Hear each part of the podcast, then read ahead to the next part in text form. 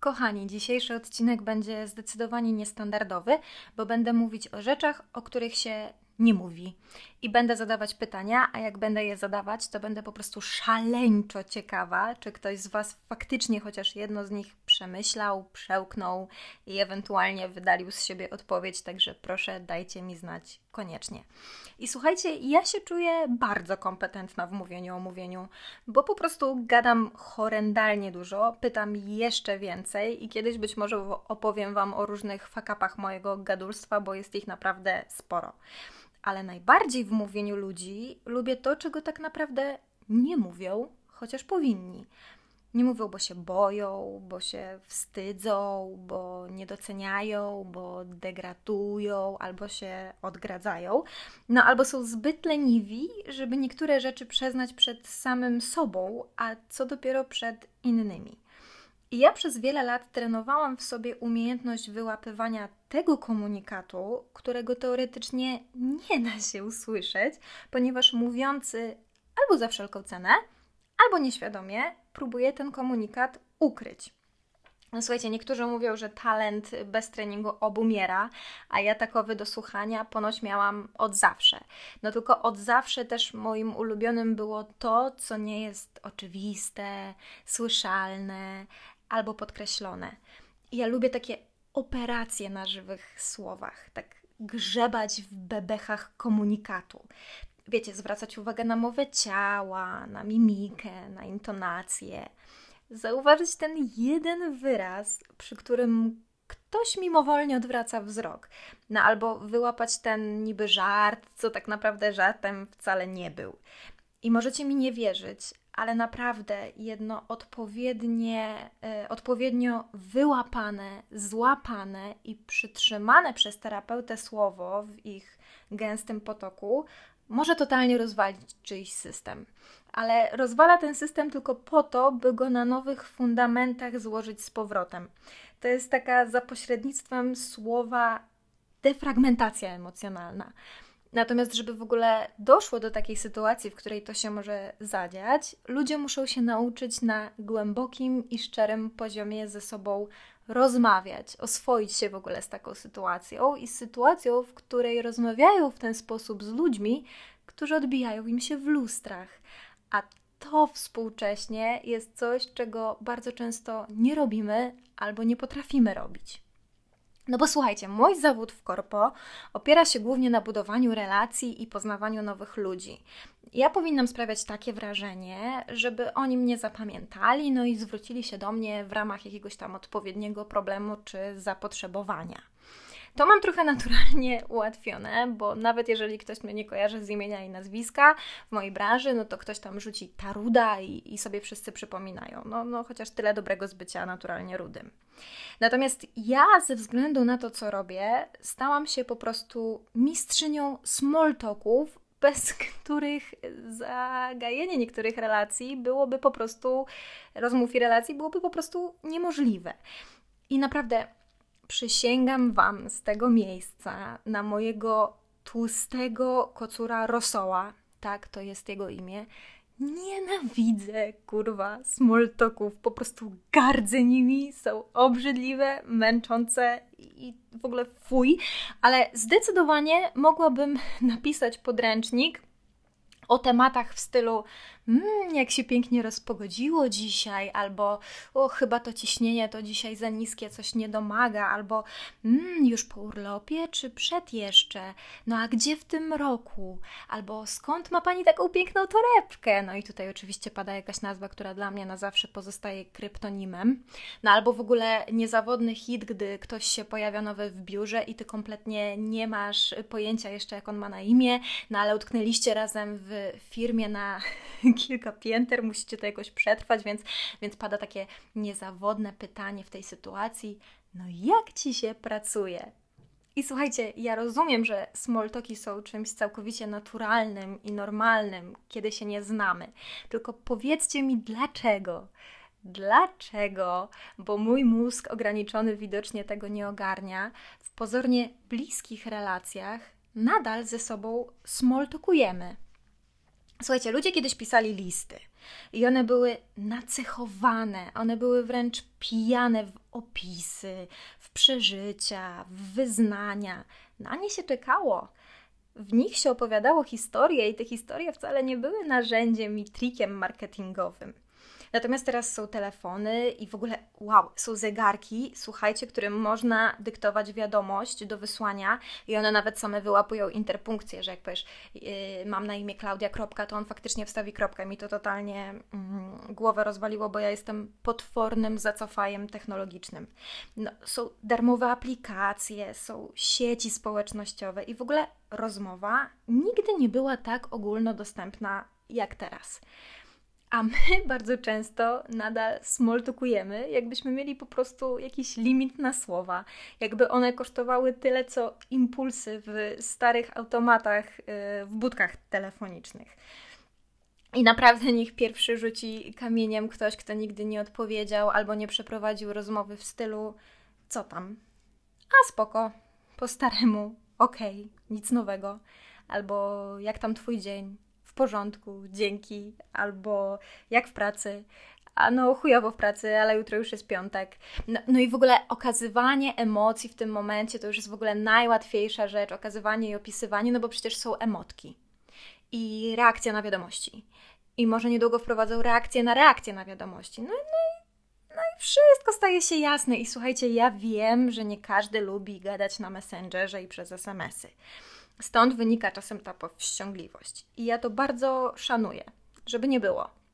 Tylko kiedy ktoś mi mówi, że tak jest, to ja się zaczynam od razu zastanawiać i w aspekcie tej osoby, i w ogóle współczesnego społeczeństwa ogółem, kiedy w takim razie zadzwoniłeś ostatni raz do kogoś bliskiego? Tak po prostu, spontanicznie, bez żadnej sprawy, bez żadnego biznesu, konkretnego powodu, tak żeby po prostu posłuchać, jak mu minął dzień. Albo żeby o tym opowiedzieć, jak cię wkurwia Kaśka z czterech biurek dalej. Albo żeby się pośmiać po prostu wspólnie z jakiejś głupoty. Zwłaszcza we współczesnym świecie, w którym każdy jest tak za, zabiegany, że na pewnym etapie życia i w pewnym wieku wygenerowanie terminu do normalnego spotkania po prostu zaczyna graniczyć z cudem. No albo kiedy ostatni raz siedziałeś ze swoimi bliskimi osobami przy stole i byłeś tylko tam i tylko z nimi, tylko w tym momencie, bez patrzenia na telefon.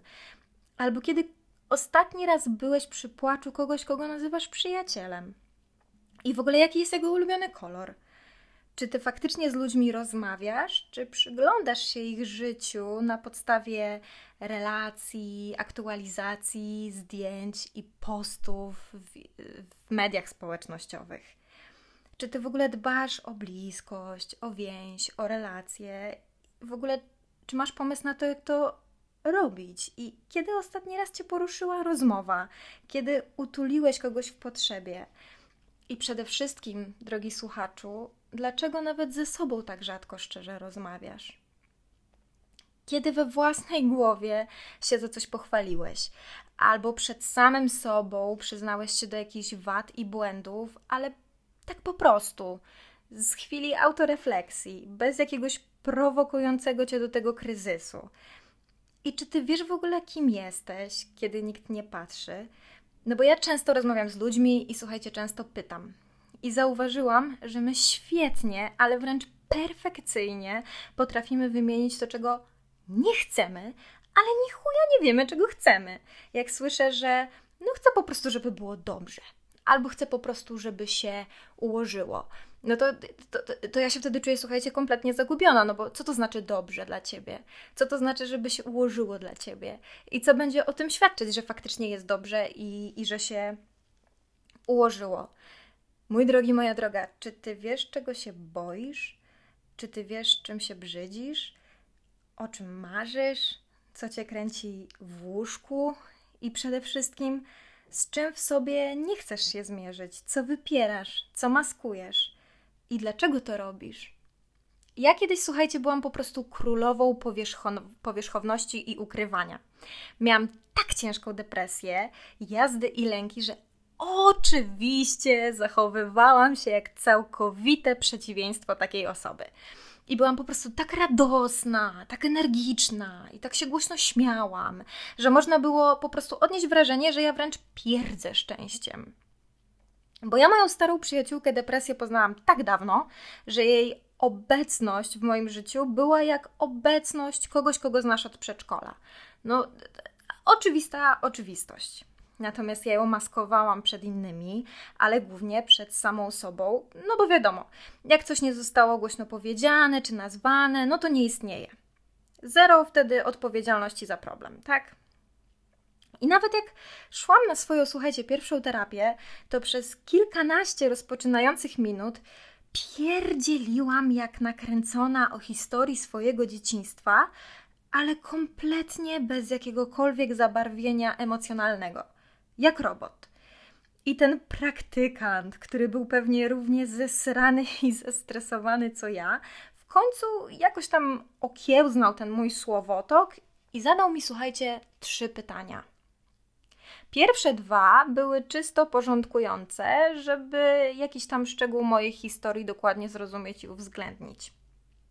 Trzecie mnie natomiast przejechało walcem i przeorało jednocześnie.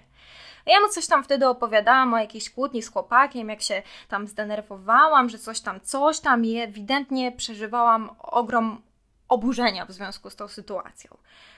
A koleś, ten terapeuta, praktykujący wtedy y, student, wyjechał do mnie z pytaniem nagle: Czego się pani boi?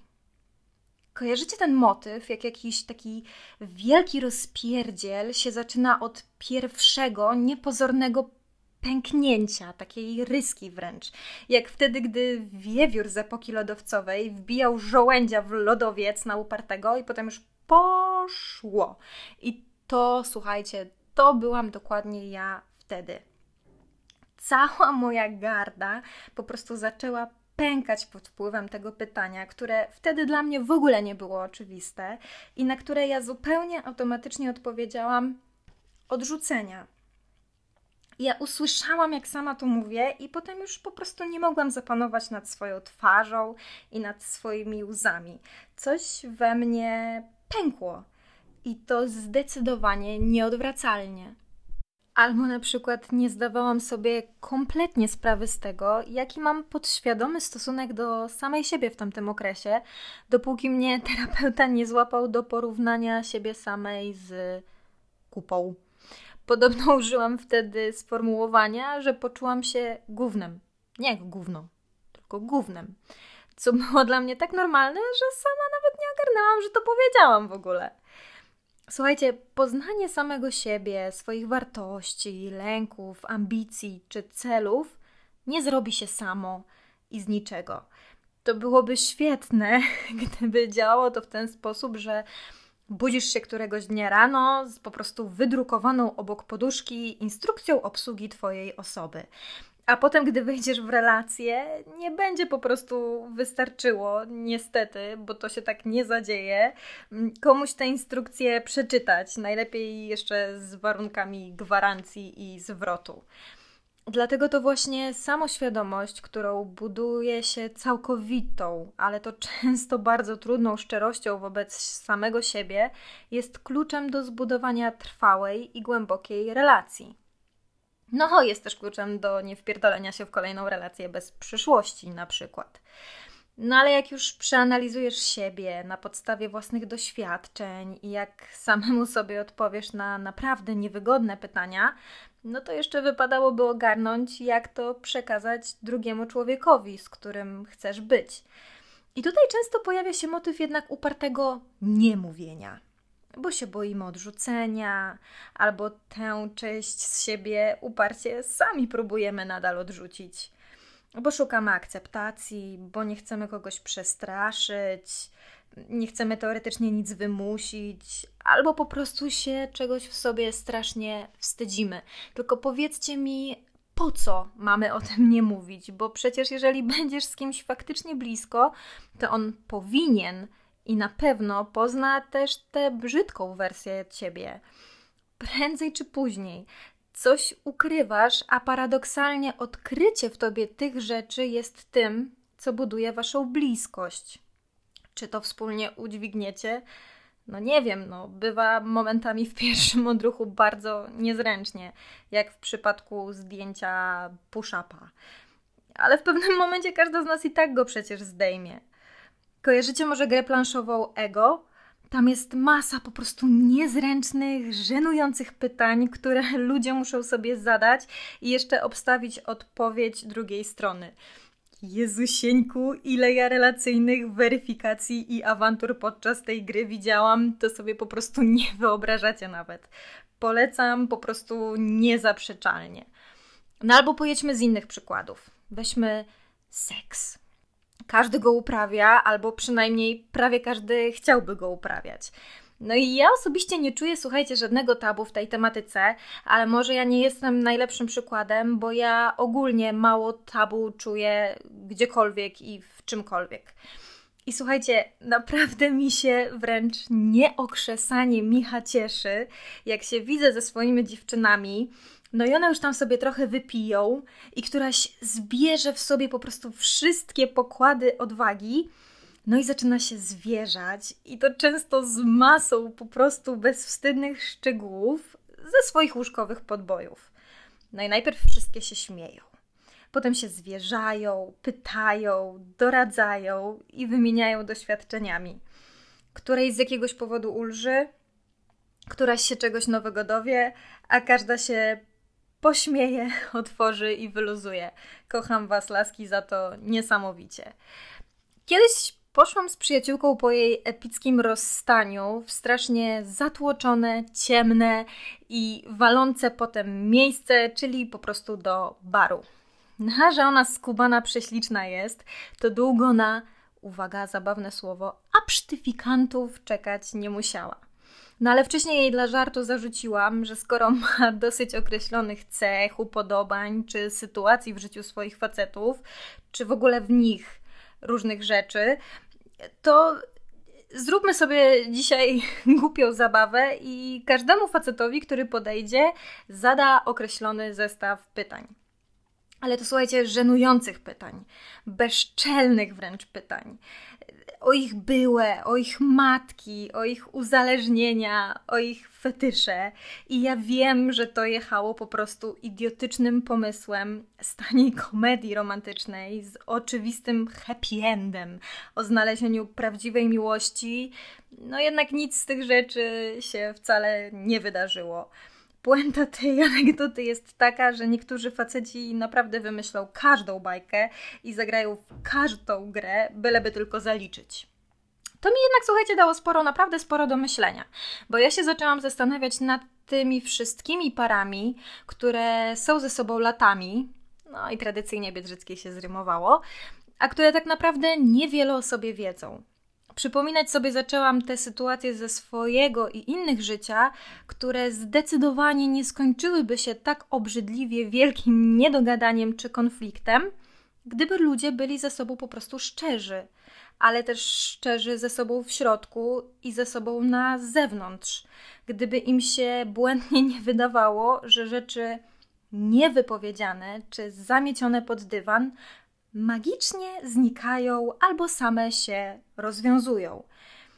Słuchajcie, wszystko niewypowiedziane czy nieprzeżyte, niezaopiekowane się w człowieku po prostu kumuluje. No, kto z nas nie był w sytuacji, w której po prostu aż sobie prawie własny język odgryzł, żeby czegoś nie powiedzieć, a x czasu czy sytuacji później wyleciało to z niego po prostu jak z karabinu tru, tu, tu, tu, tu, tu, tu, tu, tu, tu, tu, bez opamiętania. I problem polega w pewnym sensie też na tym, że nie rozmawiając z samym sobą, nie rozumiejąc siebie, nie potrafimy faktycznie wyłapać, rozpoznać i zrozumieć naszych faktycznych emocji. No bo na przykład reagujesz agresywnie czy atakująco, nie wiesz nawet, że pod tą reakcją z dużym prawdopodobieństwem kryje się strach, że to jest tak naprawdę forma obrony Twojego wewnętrznego dziecka, Twojej wrażliwej cząstki. Nie jesteś, mam nadzieję, złamanym skurwielem. To jest po prostu Twój system ochronny. No albo szukasz dla siebie wymówki i zrzucasz całą winę na drugą stronę, ponieważ prawdopodobnie kompletnie nie radzisz sobie z, odrzuce- z odrzuceniem, z odczuwaniem wstydu albo z poczuciem winy. No ale o tym zrobimy sobie, słuchajcie, na pewno oddzielny y, odcinek o, to, o tym, co czujesz faktycznie, a jak reagujesz, bo to jest po prostu temat rzeka.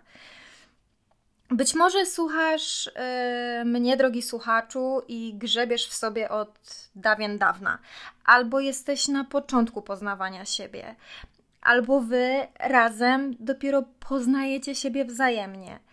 Ja słuchajcie, mam listę pytań, które według mnie są istotne. I w relacji, relacji z samym sobą, i w relacji z kimś innym. To takie pytania, które są zdecydowanym przeciwieństwem small talków. I te pytania w moim życiu wielokrotnie zaowocowały wielogodzinnymi rozmowami, bliskością, wzruszeniem, spontanicznym śmiechem. Będę Cię teraz pytać, drogi słuchaczu, a nóż widelec wyciśniesz z tego coś dla siebie. Powiedz teoretycznie mi, a tak naprawdę sobie, gdybyś mógł, mogła zostawić sobie tylko jedno wspomnienie, to które byś wybrał? Albo czy bardziej zależy ci na tym, żeby robić coś dobrego, czy na tym, żeby robić coś dobrze? Z kim chciałbyś się w końcu pogodzić? Komu wybaczyć? Gdybyś spotkał siebie sprzed pięciu lat, co byś sobie właściwie powiedział? Co byś sobie sam poradził? Co irytuje cię na tyle, że mogłoby wzbudzić twoją agresję? Na co najbardziej obecnie szkoda ci czasu? I w jakim czasie ty w ogóle głównie czy, żyjesz? Czy w przeszłości, przyszłości, czy teraźniejszości? Jaka jest głównie twoja pierwsza myśl rano? Załóżmy, że możesz cofnąć swoją jedną, ale tylko jedną złą decyzję. Którą wybierzesz?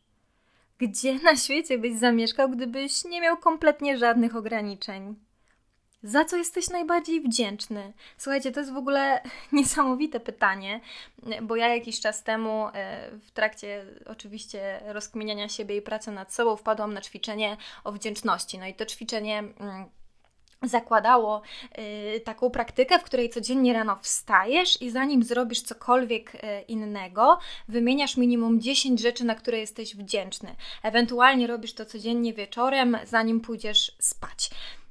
Kurwa, ja się tak spociłam przez pierwsze kilka dni nad tym własnym notesem. Co ja tam mam w ogóle napisać? Za co ja jestem wdzięczna? W ogóle o co kaman? I naprawdę dotarcie do takiej czystej wdzięczności, cieszenia się z małych rzeczy, z takich małych rzeczy jak dobra, które dostaję od innych, jak y, po prostu wdzięczność za ciepłe miejsce do spania, wdzięczność za dach nad głową, za dobry, ciepły posiłek, którym mogę się delektować, za słońce, za uśmiech kogoś, kogo kocham to były rzeczy, które wcale nie wydawały mi się oczywiste i nad którymi poznaniem i w ogóle odczuwaniem tej wdzięczności ja musiałam bardzo długo pracować. Ja polecam takie ćwiczenie, ono naprawdę wielokrotnie zmienia spojrzenie na, na codzienność, zmienia nastrój i ukazuje coś, co pozornie jest oczywiste, ale niekoniecznie jest równie emocjonalnie oczywiste. Drogi słuchaczu, za kim tęsknisz? Kiedy ostatnio zrobiłeś coś po raz pierwszy? Z kim się najczęściej porównujesz? I który swój kompleks wybierzesz, jeżeli możesz na zawsze i bez konsekwencji go wyeliminować? I mogłabym dalej wymieniać, ale myślę, że już yy, kumasz klimat. Słuchajcie, prawdziwą bliskość ze sobą i innymi nigdy nie powinno być nam w ogóle szkoda na to czasu, czy wysiłku, czy przestrzeni. Każdego dnia może się przecież okazać, czego nikomu oczywiście nie życzę, że rozmowa, którą odkładasz już nigdy, ale to nigdy nie będzie mogła się odbyć. Albo któregoś dnia złapiesz siebie samego na żałowaniu rozmowy, której nie odbyłeś. Ja jakiś czas temu, to było chyba w wakacje, byłam z futrzakiem spontanicznie nad morzem i, i siedzieliśmy sobie na plaży w Sopocie, bo ja sobie uwaliłam, że musimy jechać tam na określone śniadanie w określonej knajpie i, i na określony obiad. Siedzieliśmy sobie, siedzieliśmy sobie na tej plaży. I to nie był za dobry okres w moim życiu. Ja naprawdę na wiele rzeczy wtedy narzekałam. I wtedy zdecydowanie najciężej było mi odnaleźć sens tej wdzięczności. I przed nami siedziała dziewczyna, młoda dziewczyna, która była potwornie zdeformowana fizycznie. Widać było po bliznach na kręgosłupie, że miała po prostu masakrycznie dużo ciężkich, bolesnych operacji. No, ona wyglądała przerażająco dla mnie, dla osoby zdrowej i mówię to szczerze, chociaż wstydzę się tego, że jej widok mnie przestraszył. I ona w pewnym momencie do nas podeszła i zapytała się, czy możemy zrobić jej zdjęcie. Bo ona chciałaby mieć pamiątkę z tej pięknej chwili, że może sobie po prostu posiedzieć na, na plaży. No i futrzak jej poszedł zrobić to zdjęcie, bo po pierwsze on jest dużo lepszy w zdjęciach ode mnie, a po drugie on już chyba wiedział, że mnie wmurowało. I jak on jej robił to zdjęcie i ona pozowała do tego zdjęcia, ona się naprawdę szczerze uśmiechała, to potem wrócił do mnie, a ona nadal sobie siedziała przed nami. I słuchajcie, ja sobie do dnia dzisiejszego nie mogę wybaczyć, że ja z nią nie porozmawiałam, że mnie sparaliżowało, że ja z jakiegoś powodu po prostu nie potrafiłam przejść takiej ludzkiej bariery, bo nie wiem, no nie chciałam jej zawstydzić, nie chciałam, żeby ona poczuła się jakby, żeby, żeby nie odczuła mojego jakiegoś rodzaju litości, a przecież mogłam jej umilić dzień. Mogła nie być tam sama, mogła być tam z nami. Ja myślę, że każdy, kto mnie zna, świetnie sobie zdaje sprawę z tego, że no ja jestem w stanie ograniczyć poczucie jakiegoś y, dyskomfortu do absolutnego minimum, więc wiem, że uniosłabym tę sytuację. I naprawdę nie wiem, czy sobie kiedykolwiek wybaczę to, że, że z nią yy, no nie porozmawiałam, no. Więc życzę Wam naprawdę świadomych wyborów w takich sytuacjach i jak najmniejszej ilości sytuacji, w których żałujecie braku rozmowy. Moi drodzy, bądźcie blisko, bądźcie szczerzy, szczerzy ze sobą i z innymi. Do usłyszenia niebawem.